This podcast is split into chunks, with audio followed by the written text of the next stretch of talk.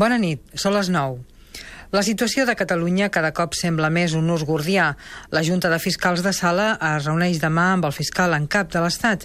Eduardo Torres Dulce busca suports morals i materials per presentar la querella per l'organització del 9-N un cop consumada la rebel·lió dels fiscals catalans, que no troben arguments jurídics que la justifiquin. Les discrepàncies entre fiscals reflecteixen diferents punts de vista sobre la realitat jurídica i obeeixen a visions polítiques contraposades. El govern català acusa l'espanyol de pressionar la Fiscalia General de l'Estat perquè presenti la querella i el govern espanyol acusa el català de pressionar la Fiscalia Superior de Catalunya perquè no la presenti. Dues forces que s'anul·larien si realment es pogués demostrar que existeixen raons jurídiques que justifiquin una opció i una altra. Enmig d'aquest embolic jurídic apareix l'exèrcit. El cap de l'exèrcit de terra, el general Jaime Domínguez Buch, ha atribuït a la debilitat del govern espanyol l'auge del separatisme. Posa d'exemple la invasió napoleònica del segle XIX, que va ser la porta per on es van perdre les colònies espanyoles. Quan la metròpoli es fa dèbil, ha dit, es produeix la caiguda. El discurs del general Buch no és incendiari, que el reconeixeu, no és partidari d'utilitzar la força per aturar el moviment sobiranista, però igual actualment suposa una ingerència en afers polítics que els militars tenen prohibida. Poden tenir les seves idees, és clar, però no expressar-les en públic, i el general Buch ha recordat que l'exèrcit està preparat per intervenir si el govern espanyol ho demana, tant a l'exterior com alerta a l'interior. L'aparició en escena de l'exèrcit es produeix en paral·lel a l'immobilisme del govern espanyol. Mariano Rajoy ha contestat a la carta que li va enviar Artur Mas, però la seva no conté cap proposta, cap pas endavant, cap moviment que pugui desencallar la situació.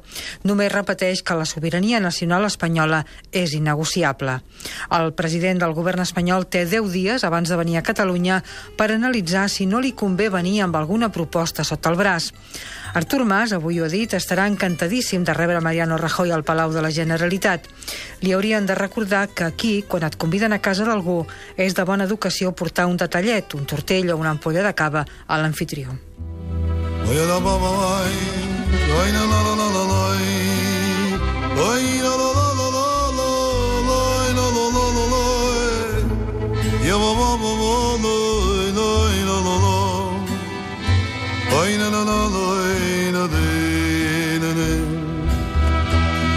נצובה, ננגה, בכנר המנגי ידע, סילבי ג'אווה, פעל אורו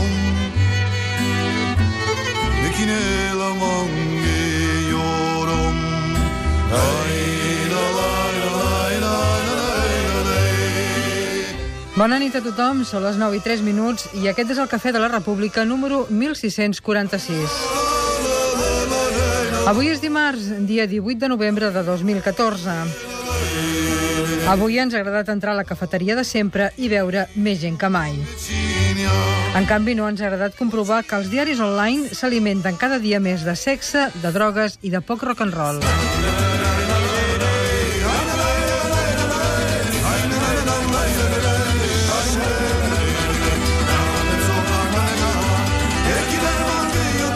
El Cafè de la República Catalunya Ràdio. Amb Elisa Homedes.